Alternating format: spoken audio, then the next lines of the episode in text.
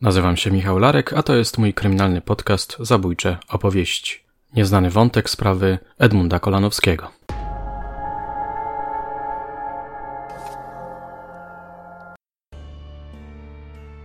I w pewnym momencie, przed, tuż prawie przed grobem, nagle oniemiałem. Oniemiałem, osłupiałem, nie wiem jak to na, nazwać w tej chwili. Patrząc przed siebie, widzę rozkopany grób.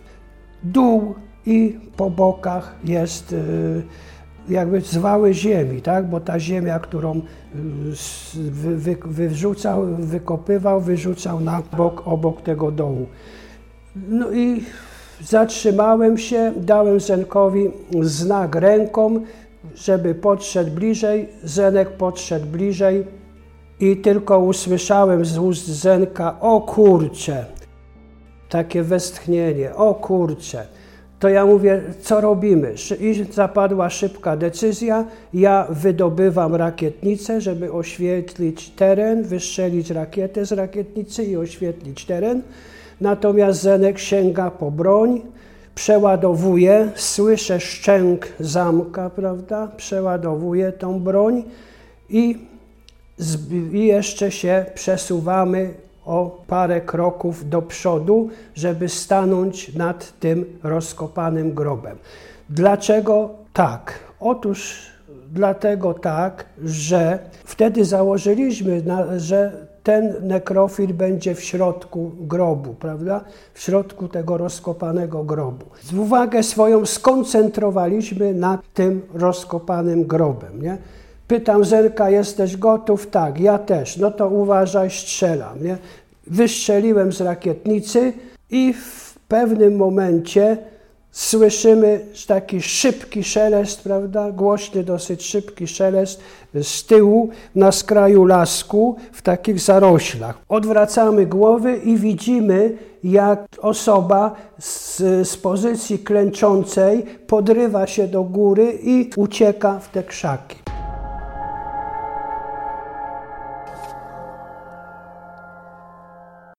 Kariera milicyjna Stanisława Sobczaka była tyleż krótka, co treściwa że tak to ujmę. Zwolniwszy się z posady strażnika w poznańskim areszcie śledczym, przyjął się do pracy w milicji. Był to styczeń 1983 roku. Zatrudniono go w komisariacie trzecim położonym na Nowym Mieście i tam właśnie zdobywał pierwsze szlify. Jego jednostka zajmowała się takimi przestępstwami jak kradzieże, włamania do sklepów, pobicia. Podobno poziom przestępczości był w tamtych czasach całkiem wysoki. Wkrótce potem oddelegowano go do Wydziału Kryminalnego Komendy Miejskiej. W jakim celu? W celu wsparcia tej jednostki podczas poszukiwań tajemniczego nekrofila i zabójcy Alinki K. Dlatego użyłem słowa treściwa. Ledwo zaczął pracę, a już znalazł się w środku śledztwa, które okaże się jednym z najważniejszych w powojennej Polsce. Moje drogie, moi drodzy, zbierając dla Was kryminalne historie, często jestem świadkiem bardzo ciekawego zjawiska – Nazwałbym je rozwijaniem pamięci. Rozmawiam z kimś pierwszy raz, drugi, potem trzeci i widzę, jak jego pamięć, czasami łagodnie, czasami zrywami, rozwija się, poszerza. Tak właśnie było ze Stanisławem Sobczakiem. Niech pan zapyta Romka Wojtyniaka o akcję, przepraszam za wyrażenie, gównojad. Zagadnął mnie któregoś razu przez telefon. Zapytałem. Nie kojarzy, odpowiedział Roman Wojtyniak. Nie kojarzy, poinformowałem pana Stanisława. To niech pan posłucha. Wysłuchałem, a potem dostałem mailem krótkie opowiadanie poświęcone temu specyficznemu wątkowi w sprawie Edmunda Kolanowskiego. Nadstawcie uszu.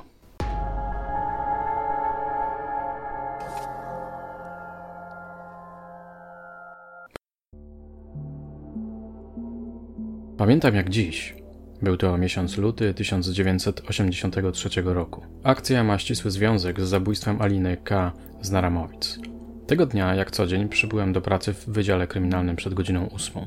Z marszu udałem się na odprawę grupy operacyjnej, którą prowadził kierujący grupą ówczesny porucznik Roman Wojtyniak. W czasie odprawy każdy członek grupy operacyjnej otrzymał zadania, które miał tego dnia do wykonania. Ja otrzymałem zadanie polegające na ponownym przeprowadzeniu rozmów środowiskowych z wybranymi mieszkańcami osiedla na Ramowicy. Udałem się w teren, a po przybyciu na miejsce rozmawiałem ze sprzedawcą z kiosku, ze sprzedawcą osiedlowego sklepu ogólnospożywczego WSS z Połem oraz z dyrektorem szkoły podstawowej znajdującej się przy ulicy Sarmackiej. Tematem tych rozmów było ustalenie, czy nie pojawiły się nowe istotne informacje przydatne w prowadzonej sprawie zabójstwa Aliny K. Podczas rozmowy z panią dyrektor, ponieważ dyrektorem wspomnianej przeze mnie szkoły była właśnie pani, padło z jej strony pytanie: A co z tym obcym, o którym tyle się mówiło? Pamiętam, że odpowiedziałem pani dyrektor: Sprawa jest w toku i na tym rozmowa się zakończyła. Zebrałem interesujące mnie informacje, zapisałem je w notatniku i wróciłem do wydziału. Po powrocie bezzwłocznie udałem się do pokoju porucznika Wojtyniaka, prosząc go o wyjaśnienie. O co pani dyrektor chodziło z tym obcym? Porucznik Wojtyniak wyjaśnił mi, że w tym samym czasie, w którym zginęła Alinka K., pojawił się na terenie osiedla na Ramowice obcy, nikomu nieznany mężczyzna. Zakładano bowiem, że mógł być sprawcą zabójstwa Alinki. Niestety patrolującym osiedle funkcjonariuszom nigdy nie udało się na niego trafić, by móc go zatrzymać. Pozostał więc anonimowy, nazywany obcym. Na zakończenie naszej rozmowy porucznik Wojtyniak otworzył szufladę biurka, a następnie wyciągnął z niej zdjęcie portretu pamięciowego, na którym widniał dokładny rysopis. Zabrałem to zdjęcie, włożyłem do notatnika i udałem się do swojego pokoju. Dalej rzecz się dzieje jak we śnie, a mianowicie koniec marca albo początek kwietnia, nie pamiętam, jadę pociągiem pospiesznym relacji Poznań-Warszawa. W przedziale znajdują się dwie osoby, ja oraz młoda dziewczyna, prawdopodobnie studentka. Po tym jak pociąg minął stację września, do naszego przedziału wchodzi osobnik, który wygląda jak włóczęga. Zagaduje do siedzącej naprzeciwko mnie dziewczyny, prosząc o pieniądze. Młoda dziewczyna nie bardzo chce z nim rozmawiać, ale on nie ustępuje, opowiadając o tym, że nocował w Poznaniu na działkach w Naramowicach, ale ludzie go przepędzili i musiał uciekać. Słysząc tę rozmowę, od razu skojarzyłem, że to właśnie ten, którego szukamy. Odezwałem się do niego w tym tonie: Gościu, siadaj, ale już. Grzecznie usiadł obok dziewczyny, więc przystąpiłem do rozpytania. Dziewczyna spojrzała w moją stronę ze zdziwieniem. Nie zwracając na nią uwagi, wypytywałem go o szczegóły. Opowiedział mi o swoim pobycie na terenie Naramowic. Kiedy doszedłem do wniosku, że mam wystarczającą ilość informacji, wyjąłem z kieszeni legitymację służbową, okazałem ją, a następnie przystąpiłem do legitymowania naszego przybysza. Oświadczam mu, że jest zatrzymany. Pouczam o obowiązku odpowiadania na pytania oraz o tym, że nie wolno mu uciekać. O ile pamięć mnie nie zawodzi, to nazywał się K. Mieszkał w miejscowości byłego województwa kieleckiego. Tam był zameldowany na pobyt stały. Wysiedliśmy na stacji Konin, a dziewczyna pojechała dalej. Zatrzymanego doprowadziłem do komisariatu kolejowego na stacji Konin. Stamtąd zadzwoniłem do dyżurnego komendy miejskiej milicji w Koninie, prosząc o pomoc. Dyżurny przysłał mi radiowóz, którym przewiozłem zatrzymanego do gmachu komendy w Koninie. Stamtąd zadzwoniłem do zastępcy naczelnika Wydziału Kryminalnego w Poznaniu, ówczesnego kapitana Stanisława Iwańskiego. Na polecenie kapitana zatrzymanego osadziłem w areszcie Komendy Miejskiej w Koninie, a sam udałem się w dalszą podróż. Następnego dnia zatrzymanego przewieźli do Poznania porucznik Wiesław Jagiełło i chorąży Jerzy Gubała, o ile dobrze pamiętam. W Wydziale Kryminalnym prowadzono przesłuchanie. Szczegółów nie znam. Wiem tylko, że zatrzymany przeze mnie w pociągu osobnik żywił się dziecięcymi odchodami, stąd gównojad. Stanisław Sobczak, Poznań, dnia 14 marca 2021 roku.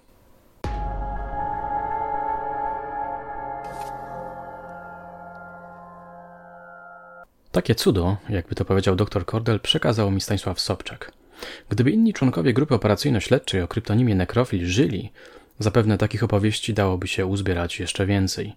Mielibyśmy wtedy o wiele ciekawszy wgląd w tę niesamowitą i cały czas nieskończoną historię.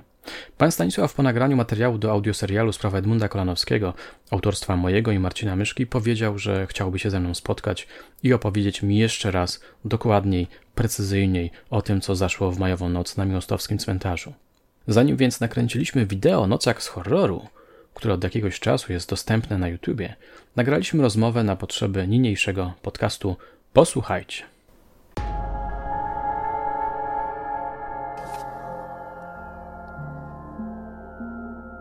To był 6, 6 maja 1983 roku.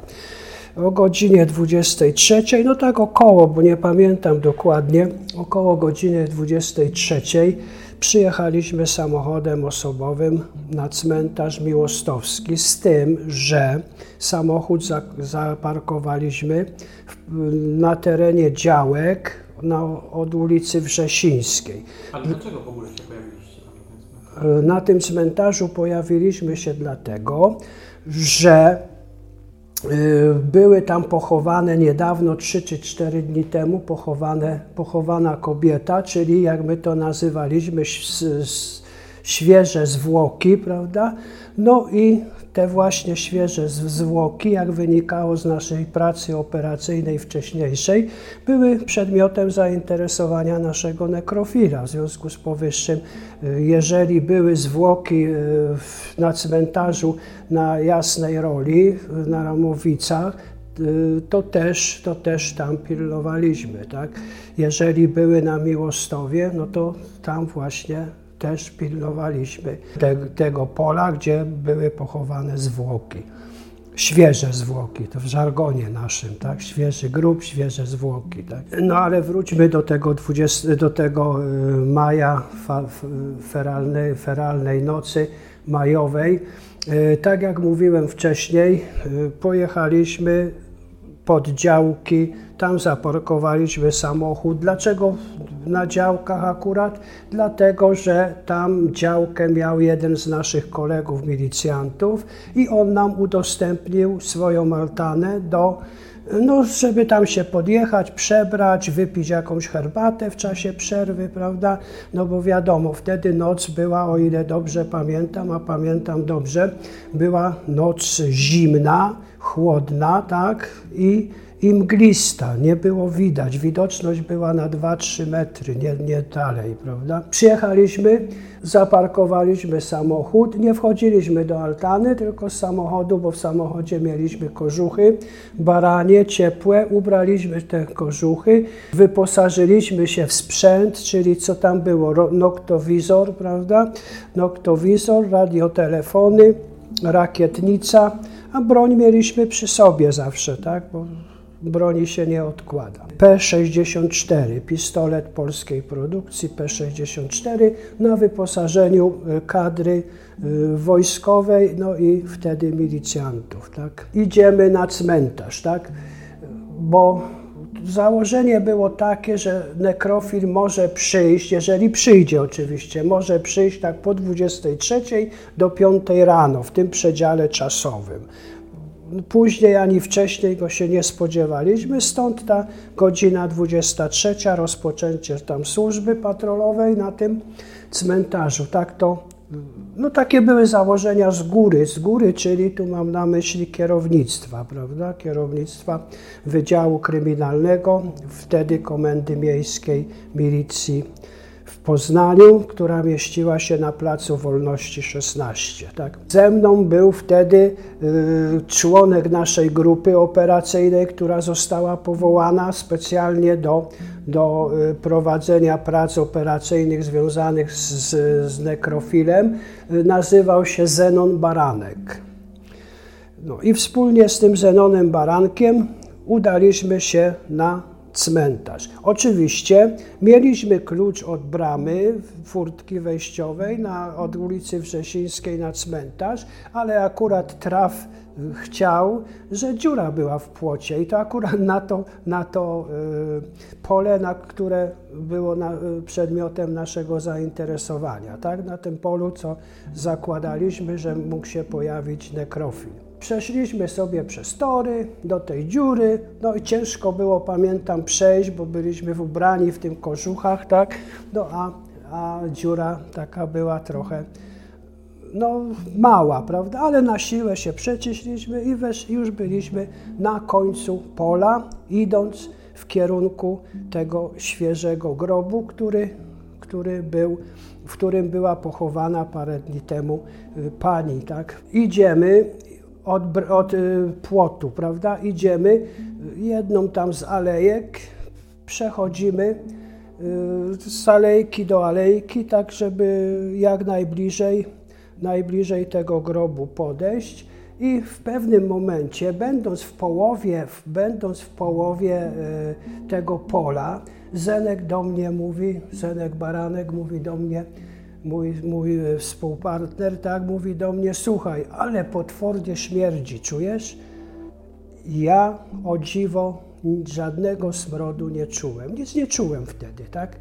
Ja mówię do Zenka, Zenek, chyba żeś zwariował, coś ci się przewidziało. A co ty gadasz? Mówi, powąchaj, zobaczysz. Mówię, nie, nie, dobra, idziemy dalej. No i podążamy dalej. Ja idę pierwszy, dwa, jakieś trzy metry może, idzie za, mnie, za mną Zenon i idziemy, tak jak wcześniej mówiłem, w kierunku tego, tego grobu świeżo, świeżego grobu, gdzie niedawno była pochowana ta pani. I w pewnym momencie, przed, tuż prawie przed grobem, nagle oniemiałem. Oniemiałem, osłupiałem, nie wiem jak to na, nazwać w tej chwili. Patrząc przed siebie, widzę rozkopany grób, prawda? Dół i po bokach jest. Yy, jakby zwały ziemi, tak? bo ta ziemia, którą y, wy, wy, wyrzucał, wykopywał, wyrzucał na bok, obok tego dołu. No i zatrzymałem się, dałem Zenkowi znak ręką, żeby podszedł bliżej. Zenek podszedł bliżej i tylko usłyszałem z ust Zenka, o kurcze, takie westchnienie, o kurcze to ja mówię, co robimy? I zapadła szybka decyzja. Ja wydobywam rakietnicę, żeby oświetlić teren, wystrzelić rakietę z rakietnicy i oświetlić teren. Natomiast Zenek sięga po broń, przeładowuje, słyszę szczęk zamka, prawda? Przeładowuje tą broń i, i jeszcze się przesuwamy o parę kroków do przodu, żeby stanąć nad tym rozkopanym grobem. Dlaczego tak? Otóż dlatego tak, że wtedy założyliśmy, że ten nekrofil będzie w środku grobu, prawda? W środku tego rozkopanego grobu. Uwagę swoją skoncentrowaliśmy nad tym rozkopanym grobem, nie? Pytam Zerka, jesteś gotów? Tak, ja też. No to uważaj, strzelam. Nie? Wystrzeliłem z rakietnicy i w pewnym momencie słyszymy taki szybki szelest, prawda? Głośny, dosyć szybki szelest z tyłu na skraju lasku w takich zaroślach, prawda? Odwracamy głowy i widzimy, jak osoba z, z, pozycji klęczącej podrywa się do góry i schylony ucieka w te krzaki. Czyli nasz plan nie powiódł się, dlatego że liczyliśmy na to, że on będzie w środku grobu, tak, tego rozkopanego, w dole siedział i tam te zwłoki bezcześcił. Natomiast niestety pomyliliśmy się, on te zwłoki wykopał, wydobył strumny, wyciągnął przy pomocy jakiejś tam liny, wywlógł je do lasu, do skraju, na skraj lasu, to tam od tego rozkopanego dołu było 3-4 metry, nie? To nie było tak blisko. No i, no i wtedy, wtedy Zenek wycelował w tym ułamku sekundy. To tam trwało niedługo, prawda? Nie wiem, z 5-10 sekund, może nawet nie.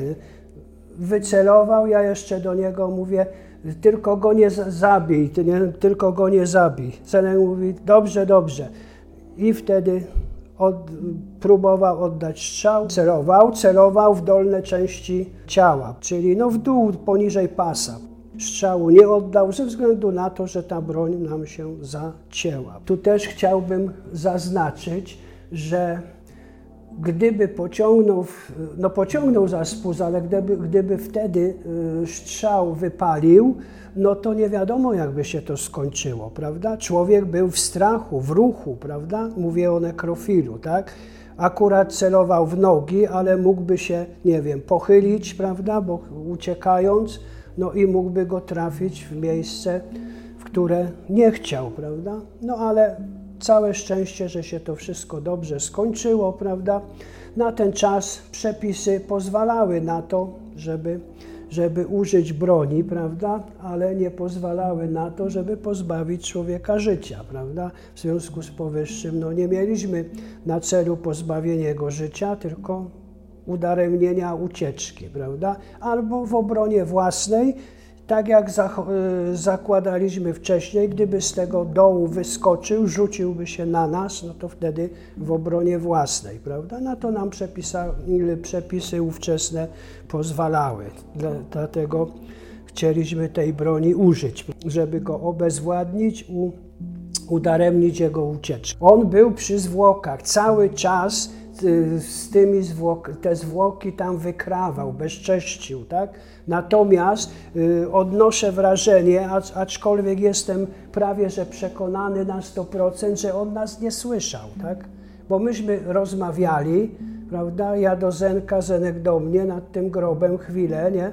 On nas nie słyszał, bo gdyby słyszał, poderwałby się do ucieczki wcześniej. I teraz jeszcze jedna ciekawostka jak y, koledzy moi z nim rozmawiali podczas przesłuchania, to on y, powiedział w ten sposób, że, że y, bardzo mocno się przestraszył, nie wiedział nawet jak się znalazł na rynku jeżyckim, bo gdzieś tam przez Antoninek dar aż go tego znalazł się na rynku jeżyckim. Nie wiedział w jaki sposób tak był przestraszony. A czego był przestraszony? Otóż przestraszony był tego, że y, jak on to powiedział, że myślał, że to kara boska, że Pan Bóg go skarał za te wszystkie, za te wszystkie jego wyczyny, prawda? Tak? No bo nagle znikąd y, oświetlony teren, tak? Rakietnicą na spadochronie, tak? No więc tak powiedział podczas przesłuchania. Oczywiście pewnie w, w, dokumentach to nie jest zaznaczone z tego względu, że to nie, był, nie, była, nie była wypowiedź istotna dla procesu, w związku z powyższym widocznie pomy, po, pominęli tak, ten wątek przesłuchującego. Ale ja wiem od kolegów, którzy go przesłuchiwali, że w ten sposób właśnie im to opowiedział. Nie biegniemy za nim, ponieważ y, z dwóch powodów. Pierwszy powód to taki, że nie chcieliśmy śladów y, zadeptać, prawda, zniszczyć, bo wiadomo, że wtedy widoczność była bardzo słaba, prawda? Oczywiście mieliśmy przy sobie latarkę, no ale, ale latarka niewiele by nam tam dała, prawda? W takich sytuacjach do czasu przejazdu ekipy dochodzeniowo-śledczej się y, nie rusza nic z miejsca zdarzenia. Takie mieliśmy zasady i, i tych zasad przestrzegaliśmy. To była pierwsza. A druga, y, drugi powód to był taki, że no było to bardzo gęsty, gęstwina, prawda? No i, i tam nie szło nawet wejść, prawda? Do tego, do tego lasku, tak? do tego kawałeczka, taki, taki jakby powiedzieć trójkąt tego lasku, no taka już końcówka, prawda, taka końcówka, y, krzaki y, niskopienne, no dość wysokie, bo tak na wysokość przeciętnego człowieka, około metra 80 miały, gęstwina jak diabli. On wleciał w te krzaki. Twarz miał tak podrapaną, ja go nie widziałem, ja go widziałem go później, to już miał to zagojoną, ale jak wcześniej, yy, jak koledzy pojechali go zatrzymać, to podobno miał tak twarz podrapaną od tych krzaków, że głowa boli. Nie?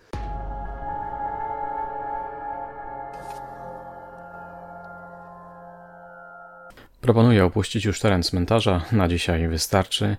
Kto nie czytał jeszcze Martwych Ciał, ani nie słuchał audioserialu Sprawa Edmunda Kolanowskiego, powinien jak najszybciej nadrobić zaległości. Gorąco do tego zachęcam, książka i audio dobrze się uzupełniają.